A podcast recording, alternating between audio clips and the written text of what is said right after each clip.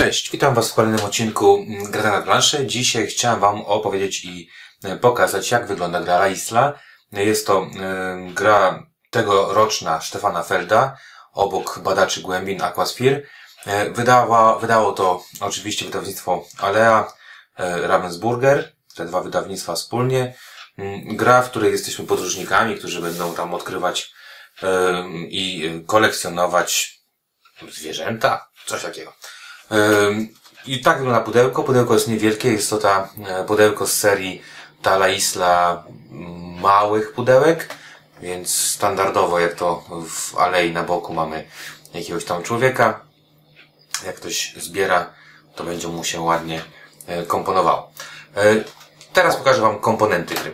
W grze otrzymujemy planszę. Plansza składa się z 10 takich elementów. To jest wyjmowalne. E, z tego będziemy robić planszę i jedenasty element to ten środek. Mm, dzięki temu, że co, co, jakby co grę będziemy sobie losować, mm, w jaki sposób ułożymy tą kompozycję, mamy niezliczoną możliwość mm, układów, która tutaj e, może zajść. Na tej planszy, która jest bardzo, bardzo kolorowa, jak widzicie, mamy zaprezentowane, ja postaram się może troszeczkę przybliżyć, mamy mm, kilka informacji. Po pierwsze mamy mm, miejsca, w których będą leżały sobie żetony zwierząt, tak jak tutaj.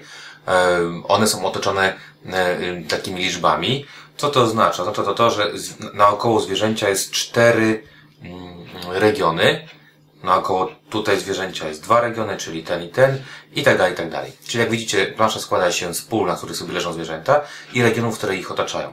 Regiony są e, pięciu e, typów, to znaczy mamy jakąś tam pustynię, jakieś pole, góry, e, grzązawiska i mm, jakąś takie jak piasek, Holender wie co to jest step, nie mam pojęcia.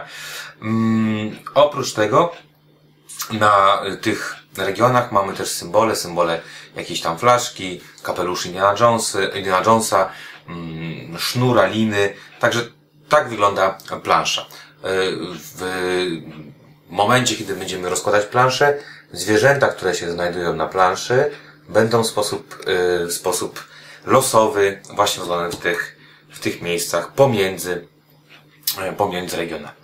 E, zwierząt mamy pięć typów, czyli mamy tutaj, e, mamy chomika, mamy e, dodo, mamy żabę, mamy komara i mamy jakiegoś kuguara, Holender wie. To jest dodatkowa plansza, która, na której będziemy sobie zaznaczać po pierwsze punkty, które zdobędziemy mm, podczas gry, a po drugie wartości zwierząt, które, które tutaj jak widzicie będą sobie takie takimi pionkami będzie sobie to szło do góry. Tutaj wartość zwierzęcia to 0, potem 1, 2, 3 i tak dalej, aż do, e, aż do 5. E, o. Także mamy 5 żetonów zwierząt, które są tutaj rozłożone.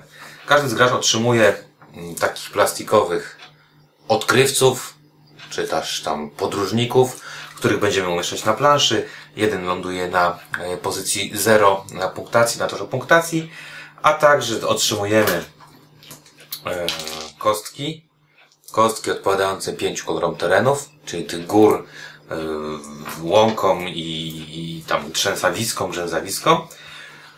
Każdy z graczy otrzymuje także yy, takie coś. To jest taka jego yy, pomoc, dzięki której będziemy zagrywać pewne rzeczy i otrzymujemy dwa komplety kart. Karty do gry podstawowej i karty do gry zaawansowanej. E, na początku sugeruje e, Stefan Feld, żeby grać tylko kartami z pierwszej talii. Tu jest oznaczenie na dole, że to jest pierwsza talia. E, następnie dopiero później dołączyć karty z drugiej talii. Jak wygląda rozgrywka? Rozgrywka wygląda bardzo prosta. Runda składa się z czterech faz A, B, C, D i jest strasznie, strasznie łatwa. To znaczy, każdy z graczy otrzymuje trzy karty dostajemy trzy karty i te trzy karty musimy sobie rozłożyć tutaj pod tym swoim pod tym swoim pomoc, pomocą dla gracza. Jak widzicie, mamy miejsce karta, karta, akcja, karta. I teraz po kolei co każda e, rzecz robi. Faza A jest to faza akcji. faza akcji, która pozwala nam użyć, karta składa się z trzech elementów, czyli góry, dołu prawego, dołu lewego. Karta A pozwala nam używać zdolności yy, z góry. Czyli w tym przypadku jest taka zdolność, że jeżeli yy, w fazie B będę brał kostkę koloru zielonego, to będę mógł coś zrobić. Albo na przykład, jakieś mi się tutaj wszystko tak ładnie, że kostka na przykład żółta jest równa każdej innej kostce. Że jak położę swojego człowieka na plecaku, to mogę podnieść wartość zwierzęcia. Że jak położę człowieka na linię, to mogę otrzymać dodatkową kostkę. I tak dalej, i tak dalej. I teraz kartę, którą położę sobie tutaj pod A, będę traktował, że wykonuję, czy też będę później korzystał z A, czyli z tej górnej rzeczy. W B po prostu będę brał kolor kostki, która jest tutaj zaznaczona na dole. A w D będę podnosił wartość zwierzęcia, które jest tutaj narysowane. Jak to, jak wygląda runda? Podczas fazy A wkładam kartę w ten sposób, dzięki czemu mogę wykorzystywać tą akcję. Jak widzicie, miejsc jest 3. Jak będę miał już, powiedzmy, są trzy rundy zagrane, mam trzy karty tutaj włożone, to w kolejnej rundzie, czwartej, będę musiał którąś zdolność przykryć. Na przykład w ten sposób i wszystkie trzy zdolności są w tym momencie dla mnie aktywne. W fazie B po prostu biorę kostkę z zasobów do siebie. W fazie C te kostki będę wykorzystywał. Kostki wykorzystuje się po to, by móc postawić swojego odkrywcę na planszy. Płacę dwie kostki w kolorze danego terenu, a następnie umiejscawiam swojego pionka na planszy. Po co to robię? Robię to po to, że jeżeli otoczę zwierzę, powiedzmy tak jak tutaj, położyłem swojego mm, podróżnika tu i tu, zwierzę zostało otoczone i w tym momencie takie zwierzę ląduje w moich zasobach, a ja otrzymuję punkty, które są przypisane do tego zwierzęcia. Jeżeli potrzeba dwóch y, badaczy, podróżników do tego, żeby to zrobić, są dwa punkty, trzech, trzy punkty, czterech, cztery punkty. Czyli w fazie C będę wystawiał swoich y, podróżników na planszy. W fazie D natomiast będę podnosił, tak jak powiedziałem, wartość danego zwierzęcia. Czyli będę przesuwał do góry tutaj o jeden te znaczniki. Dlaczego tak i po co się to robi? Po pierwsze, punkty w tej grze zdobywamy za pozyskiwanie zwierząt w danym momencie, czyli jeżeli wezmę zwierzę za 4, dostaję 4 punkty. Czasami są tutaj karty akcji, które dają nam jakieś tam y, punkty dodatkowe. Na przykład, zaraz Wam postaram się pokazać, jeżeli położę swojego podróżnika na takim terenie, dostanę 3 punkty. Czyli podczas gry będę tak sobie punktował.